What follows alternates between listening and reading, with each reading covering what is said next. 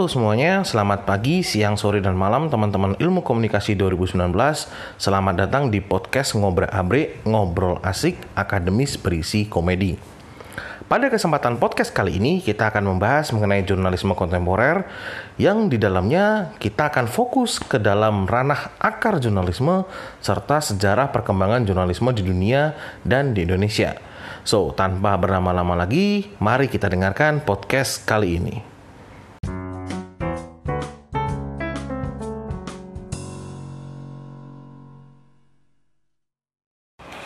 Kita mulai pembahasan dari akar jurnalisme. Jurnalisme tidak muncul begitu saja. Ada akar kebutuhan dan kepentingan masyarakat yang melahirkannya. Ada sejarah yang yang memulai berbagai periode perkembangannya. Berbagai perkembangan dilintasi berbagai pengaruh. Ilmu komunikasi mengajak jurnalisme sebagai tindakan dan bagian dari komunikasi Masyarakat menghadirkan jurnalisme kemudian jadi sebuah profesi yang namanya adalah wartawan. Dalam dunia akademisi, riset-riset jurnalisme mendorong pertumbuhan lain, tidak hanya menelurkan perkembangan media sebagai medium percepatan kemajuan masyarakat. Jurnalisme juga menyerap perkembangan sosial, kultur, politik, ekonomi, dan lain sebagainya. Dari berbagai lintas pengaruh, Perkembangan jurnalisme lalu menguat ke arah komodifikasi pesan. Kontemporisasi jurnalisme mengulur kepada penyikapan tertentu antara menolak, mengikuti, menambahkan, serta memvariasi bentuk-bentuk jurnalisme yang telah ada, baik itu bentuk dalam hal fisiknya maupun dalam hal kontennya. Komodifikasi kepentingan di luar jurnalisme bisa ke arah bisnis, bisnis yang dilakukan oleh pemilik-pemilik media itu menghasilkan komodifikasi. Berbagai elemen jurnalisme kontemporer kemudian dibakukan.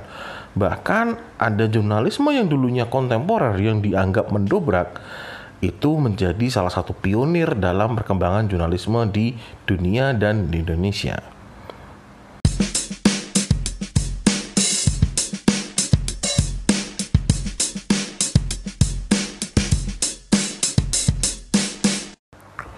Manusia bukanlah makhluk soliter seperti yang kita tahu.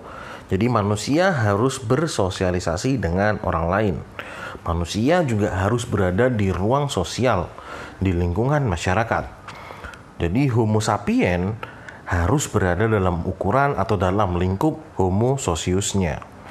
Secara sosial, manusia memproduksi lingkungan kemanusiaannya dengan bawaan psikologisnya masing-masing, antar manusia mengembangkan lingkungan sosio-kultural. Dalam bawaan kemanusiaannya juga, antar manusia pun membentuk lingkungan kemasyarakatan. Seperti yang ditulis oleh Berger dan Lukman, society is a human product. Masyarakat adalah produk kemanusiaan.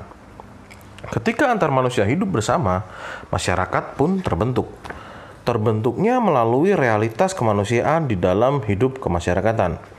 Realitas kemanusiaan itu disebut dengan realitas sosial. Realitas sosial bukanlah sesuatu yang muncul sendirian, juga tidak muncul dari bantuan sejenis hukum alam. Tapi realitas sosial tumbuh dari aktivitas kemanusiaan dan sekaligus menjadi produk kemanusiaannya. Dari sana pula masyarakat lahir sebagai produk kemanusiaan itu sendiri. Society is an objectivity reality, tulis Berger dan Lukman. Masyarakat ialah realitas objektif yang diproduksi oleh manusia itu sendiri. Dalam realitas sosial, komunikasi menjadi sarana Pemaknaan individu terhadap konteks, terhadap tujuan, terhadap tugas, dan tindakan sosial merupakan hasil konstruksi komunikasinya. Realitas sosial menjadi sebuah aktivitas invensional di mana individu mengkreasikan berbagai pola komunikasi subjektif dengan berbagai objektivitas yang memberi berbagai pemaknaan. Jadi kalau kita ingat dalam mata kuliah MPS itu ada paradigma konstruktivis paradigma yang mem, yang di dalamnya terdapat pengertian bahwa manusia memproduksi realitasnya sendiri atau uh, realitas sosial itu dikonstruksi oleh masing-masing orang.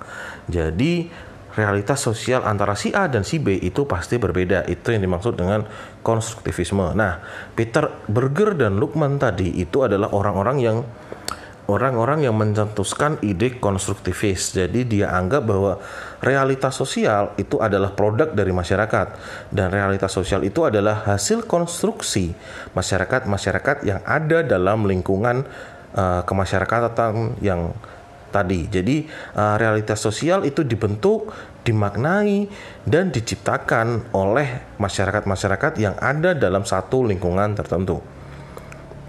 Jadi uh, menurut Little John uh, konstruktivisme itu dipakai sebagai dasar bagaimana manusia mengkreasi tata urutan pengetahuan difungsikan pada kehidupan pragmatis yaitu menjadikan suatu fenomena dipahami dengan berbagai jalan, dengan berbagai pola pikir, dengan berbagai sudut pandang. Dan bagaimana pengetahuan membawa manusia membuat kehidupan, membuat realita. Konstruktivisme mengajarkan pengetahuan sebagai produk yang dari interaksi simbolik dari berbagai kelompok sosial.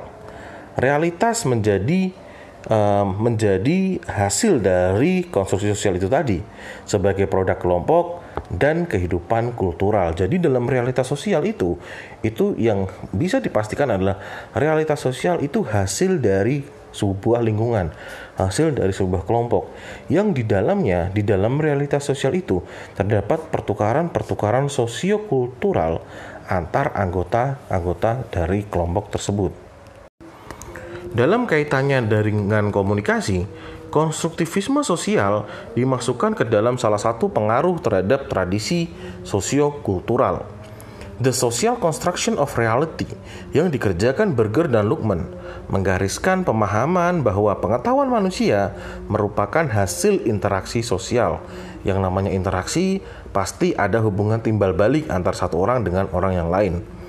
Hal itu terjadi ketika manusia membicarakan sebuah objek.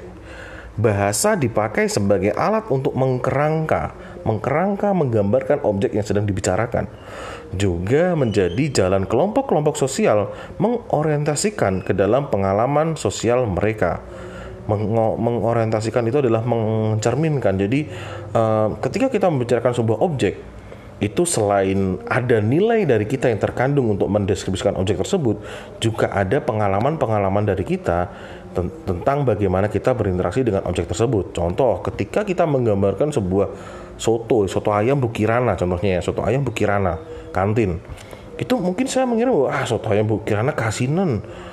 Karena pengalaman saya waktu makan itu adalah eh, pelayannya itu mbak mbaknya itu itu kebanyakan ngasih garam dan kawan-kawan tapi tentu saja ketika mungkin saya berbicara dengan uh, salah satu mahasiswa dari Ilkom 19 dia tentu punya pendapat yang berbeda tentang soto kirana karena apa karena pengalaman dia waktu makan soto itu mungkin pas bumbunya mungkin yang jual lagi moodnya lagi enak jadi kalau ngasih garam normal kayak gitu mungkin bisa seperti itu. Nah itu adalah yang dimaksud dengan bagaimana bahasa mengkerangka dalam hal uh, dalam nilai kultural juga pengalaman sosial mereka. Sifat kealamiahan dari kehidupan pada kemudiannya dibentuk bahasa manusia ketika memberi nama, diskusi, dan melakukan pendekatan terhadap berbagai hal yang ada dan terjadi dalam kehidupan manusia. Nah, kaitannya dengan jurnalisme, jurnalisme sendiri adalah hasil dari konstruksi sosial tersebut. Dunia jurnalisme terbentuk oleh hal-hal itu tadi. Kejadian pengetahuan manusia mengenai jurnalisme terbentuk oleh berbagai individu pada interaksinya di dalam kehidupan bermasyarakatan. Manusia mengkreasikan realitas jurnalisme sebagai kebutuhan dan kepentingan untuk atau dalam memahami kehidupan. Pemahaman itu didapat melalui pemberitaan di media. Pemberitaan didapat berdasarkan pelaporan sumber dan fakta yang dikerjakan di dunia kewartawanan. Dan pada kemudiannya mengisahkan sejarah bagaimana jurnalisme itu mampu mempengaruhi perilaku seseorang hanya dari berita yang dipublish atau hari hanya dari berita yang ditayangkan. Ketika kita berbicara tentang bagaimana media mengkonstruksi sebuah berita, itu ada teori yang namanya teori agenda setting. Teori yang membuat media mempunyai kekuatan penuh untuk mengendalikan realitas mana yang dinilai penting dan tidak penting oleh kalayak. Jadi eh, ketika kita melihat sebuah berita di televisi atau di koran itu melalui proses gatekeeping. Gatekeeping atau gatekeeper itulah yang uh, melakukan agenda setting terhadap pemberitaan-pemberitaan. Ya siapa tahu berita berita uh, gatekeeper dalam hal pemberitaan itu contohnya adalah di TV One dan Metro TV. Sekali lagi saya contohkan. Karena apa? Karena berita yang sama di TV One dan Metro TV itu sudut pandangnya atau point of view-nya atau konstruksinya itu bisa beda karena tergantung dari sisi mana si pemimpin media atau pimret menghendaki berita tersebut ditayangkan.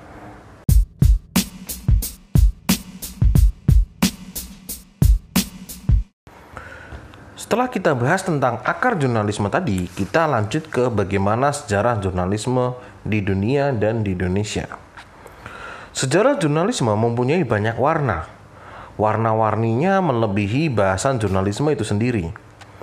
Sejarah jurnalisme di antaranya diwarnai bahasa kultur pemberitaan yang dipengaruhi oleh yang pertama kultur percetakan dan yang kedua kultur media. Barnhurst dan Nerun menjelaskan kultur pemberitaan menjadikan sejarah jurnalisme dipenuhi berbagai aliran. Sejarah jurnalisme juga kerap berporos pada kultur media, meski kadang mengaburkan perkembangan jurnalisme itu sendiri. Sejak tahun 1970-an, sejarah jurnalisme dipenuhi pergulatan mengenai krisis identitas. Ada dua sumber yang mempengaruhi sejarah jurnalisme, yang pertama adalah sumber yang dipengaruhi oleh ilmu komunikasi. Para akademisi komunikasi di antaranya memakai karya Plato, Pedrus yang mewawancarakan isu-isu kognitif berkaitan erat dengan dunia menulis. Di Eropa contohnya, para pemikir Enlightenment menjadi bagian yang mendorong bahasan ihwal bagaimana literasi, kemudian literasi alfabet, dan akhirnya mendorong adanya percetakan, mendorong adanya perubahan sosial, kultural, dan politik serta struktural. Pemikir abad 20 seperti Harold Adam Innis dan Marshall McLuhan mengembangkan pemikiran tersebut. Perkembangan teknologi turut mewarnai kemajuan mesin cetak atau siaran. Sumber kedua secara jurnalisme berkaitan dengan jabatan atau pekerjaan. Perkembangan dan profesionalisasi kalangan pekerja berita turut mengkonstruksi sejarah jurnalisme itu sendiri, terutama ketika memproyeksi keidentitasan jurnalisme itu berdasarkan perspektif di awal mulanya. Hal ini menjelaskan bagaimana sejarah jurnalisme berkembang bersama perkembangan jurnalisme itu sendiri, di mana kadang sejarah menjadi sisipan pengingat dari perkembangan aktual jurnalisme. Hal itu dapat dijelaskan secara sederhana menjadi sebuah uh, penjelasan atau sebuah materi atau artikel terkait sejarah jurnalisme itu. Sejarah menuturkan bahwa jurnalisme ialah alat penyuplai kebutuhan orang berkomunikasi. Komunikasi sebagai alat penting bagi manusia merupakan jalan bagi manusia untuk bertukar informasi. Sejak zaman prahistoris, komunikasi dilakukan melalui aneka cara Segala jenis informasi disebar melalui para dukun, dalam dulu ya, dukun, peramal, orang bijak, dan sebagainya. Semuanya dapat dilihat melalui lukisan batu, perkamen, atau bangunan. Jadi, uh, ketika kita berbicara pada zaman prehistoris itu uh, apa yang kalian lihat dalam film itu ketika menggambar di gua, kemudian uh, pakai asap itu memang benar-benar salah satu cara orang untuk berkomunikasi atau bertukar informasi. Dengan begitu, komunikasi banyak berubah bentuk. Dari sejak awal kehidupan bermasyarakat, manusia mempergunakan berbagai medium untuk berkomunikasi. Orang-orang kemudian memindahkan bahasa sebagai alat mengantarkan pikiran dan perasaan itu ke dalam catatan-catatan yang bersifat chronicle, riwayat, biografis, sejarah perjalanan, dan berbagai bentuk surat menyurat. Dari yang sifatnya pribadi atau disimpan sendiri, sampai pesan-pesan kerja, dari yang menyajikan khotbah atau nasihat, sampai kerja sampai kerjaan-kerjaan lain, kerjaan mengenai perjalanan di sini, dia melihat itu seperti dalam liputan-liputan perjalanan. Mereka ulang cerita serta menulis selebaran-selebaran. Semua hal itu bisa ditemukan misalnya di fase-fase religiusitas. Ketika dalam fase religiusitas menguasai masyarakat, Para ahli sejarah kerap memaparkan dokumen-dokumen catatan kronikal peristiwa, riwayat para penyebar keagamaan, atau kisah-kisah ketokohan seseorang. Di fase perdagangan mulai digerakkan para raja. Di wilayah-wilayah kerajaan yang menggunakan uang sebagai pengganti barter, selebaran-selebaran atau newsletter dibuat untuk menginformasikan barang-barang, kedatangan kapal dagang yang berlabuh, dan juga harga-harga yang ditawarkan. Sampai kemudian ketika jurnalisme ditemukan sebagai sebuah kegiatan melaporkan berbagai kejadian atau peristiwa yang terjadi di masyarakat. Namun kemudian dipakai sebagai alat penyalur tekanan sosial politik dan perkembangannya terkait dengan ditemukannya mesin cetak sebagai wahana yang mengganti oral dari mulut ke mulut. Ketika menyampaikan informasi dalam hal ini kisah-kisah kronikal, pelaporan ataupun pamflet. Jadi alat cetak itu uh, mulai ditemukan sebagai salah satu contoh agar penyalur tekanan sosial politik. Jadi daripada mulut ke mulut kelamaan, nah mending ditulis aja lah biar bisa uh, sekali nyebar itu langsung banyak seperti itu. Jadi bentuk cetakan itu khususnya surat kabar merupakan awal dunia jurnalisme mengabarkan berbagai kejadian di masyarakat. Produk pertama jurnalistik dalam bentuk newsheet atau cetakan bersikulasi atau beredar di Roma. Dinamakan Akta Diurna. Harian yang terbit pada abad kelima sebelum Masehi yang digantungkan di alun-alun kota berisi atau merekam segala kejadian sosial dan politik serta e, berbagai hal atau berita mengenai kejayaan si Julius Caesar. Pada abad pertengahan, jurnalisme mengalami e, bentukan pengiriman laporan, tinjauan, perkabaran, dan lain-lain yang kemudian diedarkan dalam berbagai institusi atau tujuan yang bersifat e, informatif. Fase ini dikenal sebagai masa peredaran sirkulasi flying papers.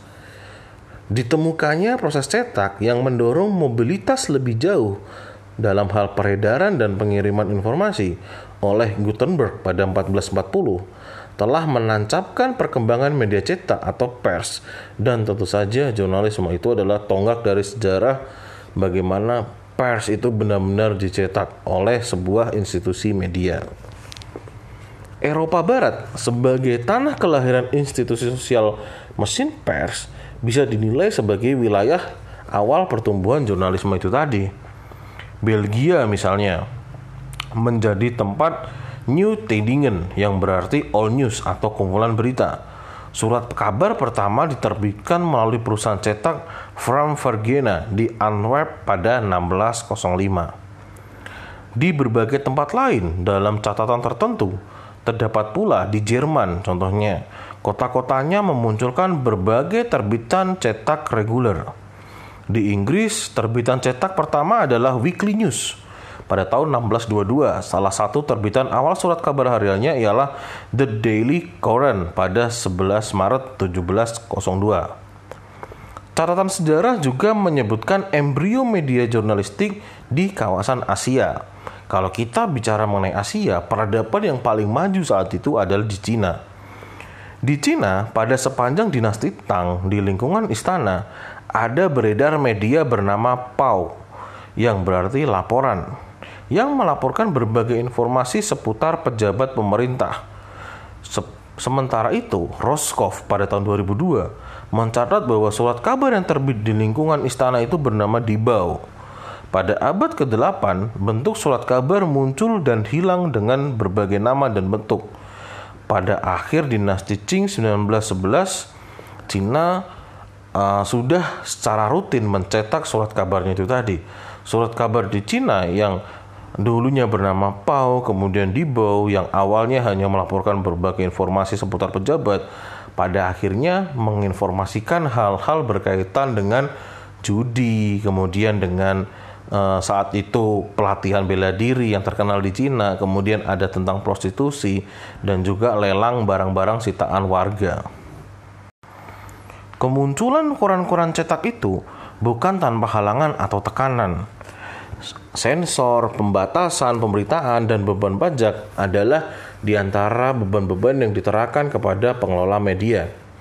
Namun, di tengah keadaan seperti itu, pada abad ke-18, berbagai terbitan jurnalisme awal tetap bermunculan.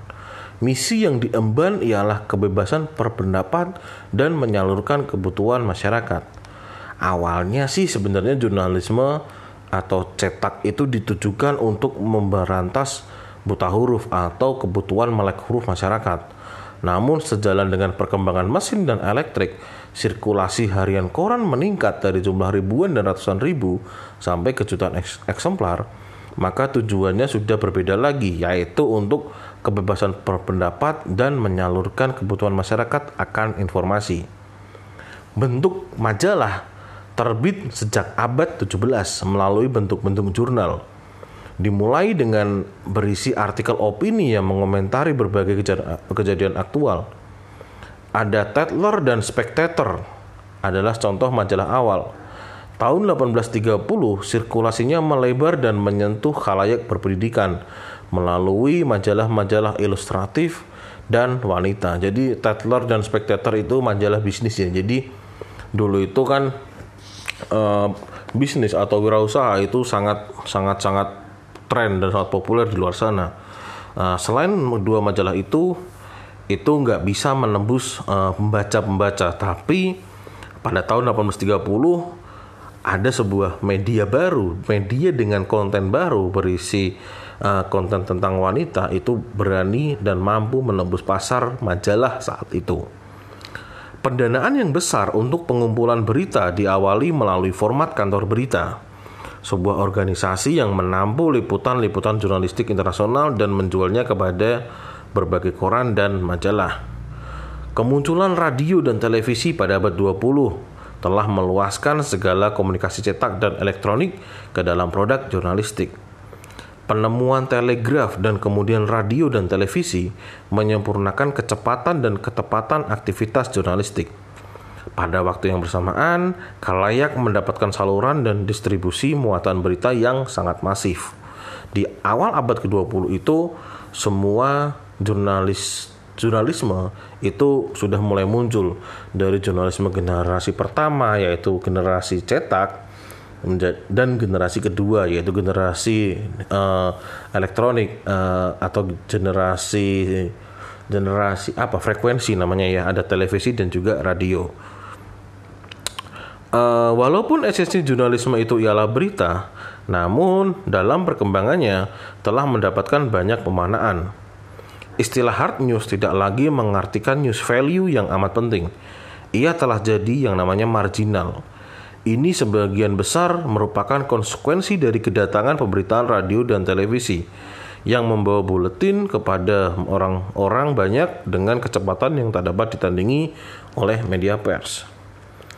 Untuk menjaga khalayaknya, surat kabar telah meningkatkan jumlah penyajian interpretif material dari berbagai artikel yang melatar belakangi sebuah pemberitaan, ulasan-ulasan pendek, dan kolumnis yang dengan ketepatan dan kepiawaiannya untuk mengomentari sesuatu.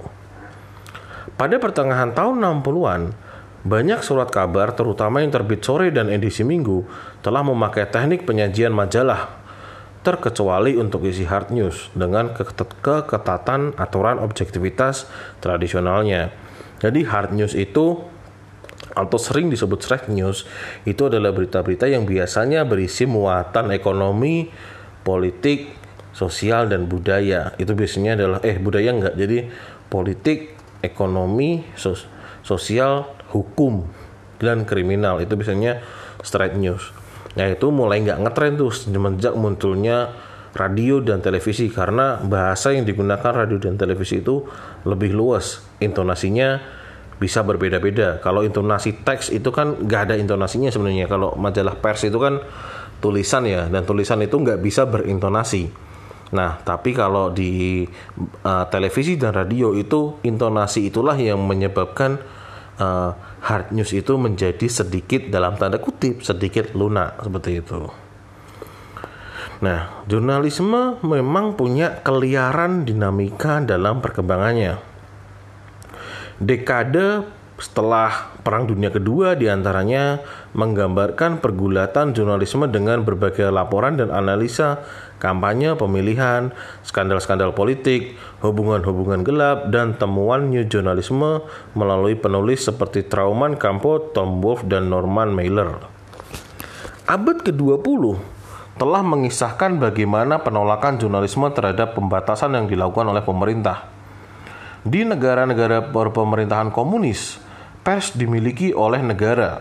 Para wartawan dan pemimpin redaksinya menjadi pegawai pemerintah. Nah, inilah yang berbahaya. Jurnalisme dekat dengan pemerintah itu berbahaya karena apa? Atau jurnalisme dimiliki oleh pemerintah itu berbahaya karena apa? Karena berita yang diberikan atau berita yang ditayangkan itu tidak berimbang. Dia pasti berat sebelah walaupun seberimbang apa pun katanya, tapi pada kenyataannya berita yang disampaikan itu pasti berat sebelah. Itu. Jadi di negara komunis pun terjadi di mana berita atau lembaga media itu yang punya adalah negara. Jadi wartawannya itu masuk PNS kasarnya seperti itu. Di bawah sistem pers mereka, fungsi utama pers ialah melaporkan pemberitaan, bercampur tugas, mengangkat dan mendukung ideologi nasional serta tujuan-tujuan yang dikendaki oleh pemimpin. Itulah di negara komunis. Negara komunis fungsi utama pers itu sudah mulai beda.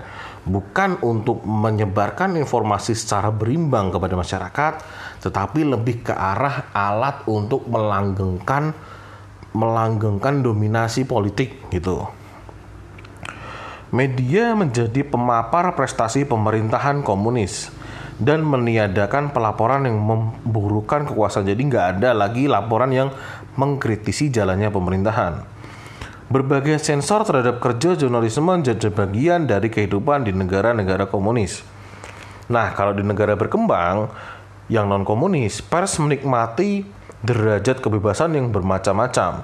Dari yang bersifat mesti mau melakukan self-censorship, apa-apa yang sekiranya bakal dilakukan pemerintah sampai yang benar-benar disensor langsung seperti di negara-negara komunis. Kebebasan pers benar-benar dinikmati untuk media yang hidup di negara-negara yang berbahasa laporan most English speaking dan negara-negara Eropa Barat. Jadi di negara uh, most English speaking jadi yang di mana mayoritas bahasanya itu adalah bahasa Inggris itu kebebasan pers memang benar-benar terjadi contohnya di Amerika negara-negara liberal itu kebebasan pers memang benar-benar ada. Jadi nggak ada masalah kamu mau kritik seburuk apa pun itu bebas-bebas aja karena kebebasan pers benar-benar dijamin di sana. Tapi kalau di negara-negara berkembang itu uh, kita mau nggak mau masih ada yang namanya censorship. Jadi uh, censorship itu bisa dua. Jadi kita yang nyensor beritanya melalui gatekeeper, tapi ada juga sensor yang dilakukan oleh pemerintah. Kalau di Indonesia kira-kira yang mana? kalau menurut uh, pengalaman Orde Baru itu adalah sensor yang dilakukan oleh pemerintah. Pemerintah nggak suka langsung dihilangkan medianya. Itu adalah uh, pemberedelan namanya. Nah itulah yang terjadi di Indonesia pada waktu itu. Kalau di waktu sekarang, kira-kira gimana teman-teman? Masih ada nggak kayak gitu? Masih ada nggak ketika media-media mengkritik pemerintahan dan media itu dituntut balik oleh yang dikritik? Kira-kira masih ada nggak?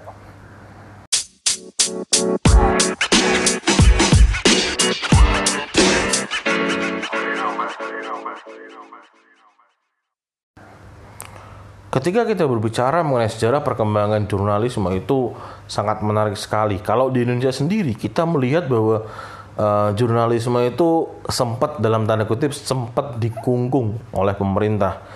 Tapi semenjak UU kebebasan pers yang ditandatangani atau yang diterbitkan oleh uh, mantan presiden kita almarhum B.J. Habibie itu ditandatangani, maka pers menjadi bebas lagi atau dalam tanda kutip menikmati angin segar kebebasan untuk mengeluarkan pendapat dan menyebarkan informasi. Maka tak ayal sampai sekarang pun pers juga masih berhak dan masih mampu untuk memberitakan buruknya kekuasaan dari pemerintahan yang sedang berjalan. Nah, e, mengenai sejarah perkembangan pers, e, saya rasa cukup sampai di sini. Bahasan podcast selanjutnya kita akan membahas mengenai bagaimana elemen-elemen jurnalisme yang terkandung dalam pemikiran Bill Kovac. Uh, sebelumnya, sebelum masuk ke Bill Kovac, mungkin akan lebih baik kalau kita masuk ke kode etik jurnalistik dulu, baru kita bahas ke elemen jurnalisme milik Bill Kovac. Oke, terima kasih buat yang udah dengerin podcast ini sampai selesai. Uh, dengan berakhirnya bahasan kita tadi, maka berakhir pula podcast hari ini. Terima kasih buat semuanya podcast saya tutup dan selamat atau sampai jumpa lagi di podcast yang akan datang. See you.